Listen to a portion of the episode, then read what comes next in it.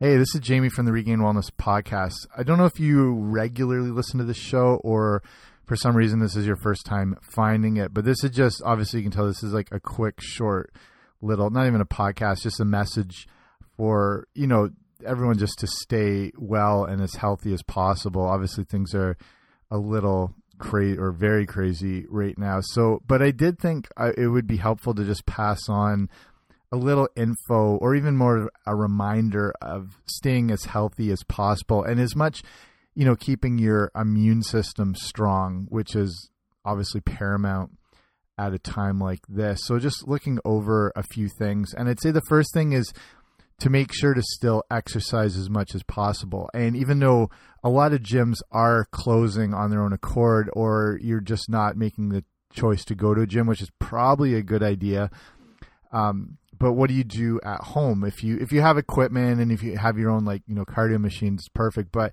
it's still a good a good time to get outside i would say and get um, active whether it's jogging or walking or any form of like outdoor activity biking. The thing is the weather's getting better now which is good so you're not necessarily going to be cooped up uh, so that's good. So to get out obviously into fresh air and keep your body moving and the you know with the weather improving it means some more sunlight exposure now. And as the earth sort of moves closer to the sun uh, for that vitamin D exposure. And we forget that vitamin D isn't a vitamin per se. It's actually a hormone and it is synthesized from the sun through your skin and everything like that. And most importantly vitamin D is a notable immune system enhancer. And people who have low levels of vitamin D uh, have um, more chances at uh, problems with autoimmunity and problems with fighting off infection and everything like that. So get outside and get that sun exposure, and especially as the weather's change, this is a good time to do it. As far as like keeping fit, again, exercise is important because you know the endorphin release, which everyone is familiar with. Everyone knows that is a feel good hormone, so that's good because it's obviously important to keep your mood elevated as much as possible.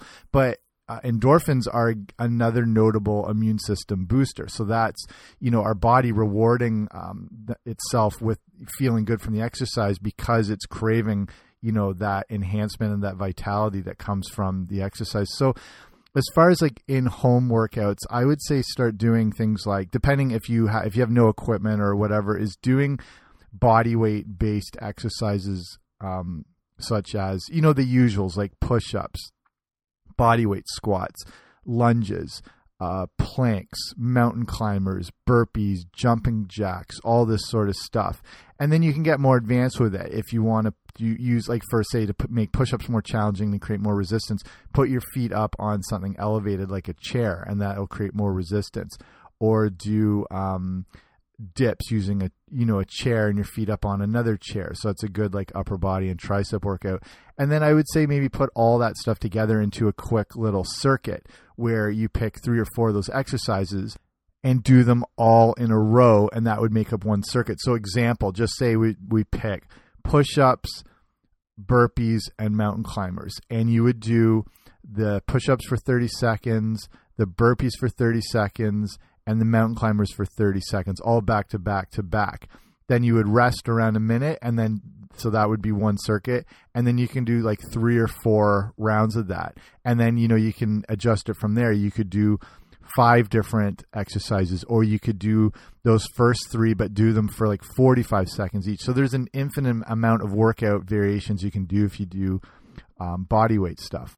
But the most important is to you know keep yourself moving and to keep active um, how you can during this sort of time. Um, and then obviously nutrition is going to be important, focusing on you know the realest whole foods you can. I think that just goes without saying.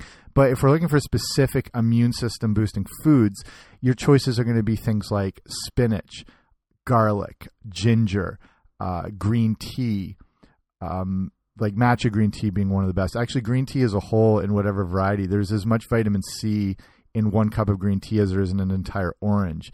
Um, so obviously, and then citrus fruits, berries, almonds, things like that, and then and then add in some of the um, gut friendly you know healthy bacteria based foods like uh, kombucha or kefir or yogurt. And again that's going to keep your gut healthy. And when your gut he- is healthy your immune system is stronger and everything like that. So th- those are some good example foods right there but focus on the real whole foods and the next thing that kind of goes hand in hand, it would be talking about stress and then uh, making sure to get adequate sleep, which is stuff I cover a ton on this show. Again, I've podcast devoted to each topic.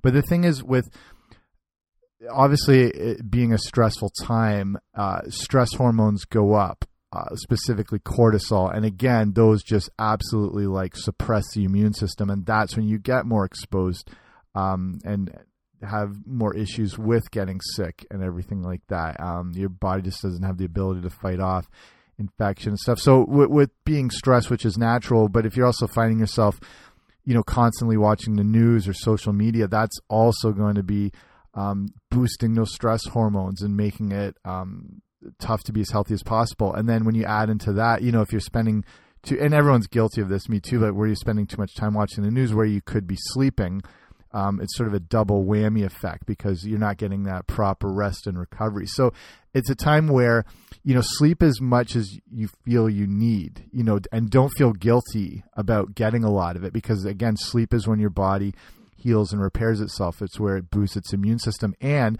when it comes to, when it has to do with stress and everything like that, that's sleep is when your body burns off those stress hormones and gets rid of them. So that's where you want to help keep stress as low as possible, which is tough, obviously, but make sleep a priority. And that's probably going to be your number one thing to combat that all. And then there's other things you can do, of course, like deep breathing, um, meditation, yoga. I mean, even just a simple breathing exercise. Most people, when you find yourself stressed, if you're, you know, trying to like keep up with everything and you're seeing all these reports and you don't know what to believe and whatever, you, you might try. It's hard to pay attention, but notice you might find yourself, um, you start doing this shallow breathing thing because your body, again, is in this sort of stress, fight, or flight state.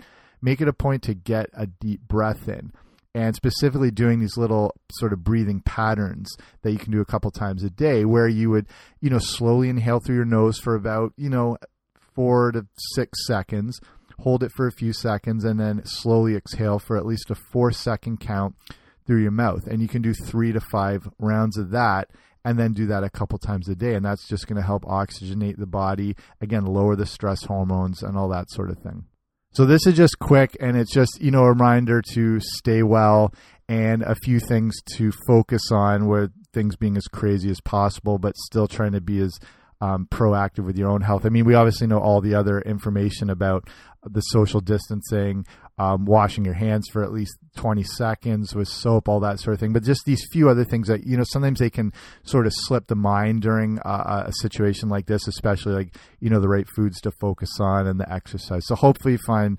um, that somewhat beneficial. But the, yeah, the main thing is just a quick message to stay well, stay healthy, and take care of yourself at the same time. Okay, I'll talk to you later. Bye.